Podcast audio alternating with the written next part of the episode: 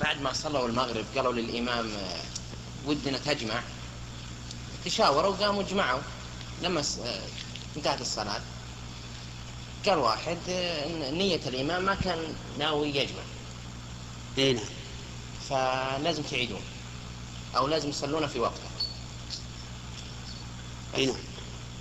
الصحيح أنه إذا وجد سبب الجمع سواء سفر أو مرض أو مطر أو غير ذلك من الأسباب التي تبيح الجمع فإن الجمع جائز سواء نواه قبل الصلاة أو بعد الصلاة.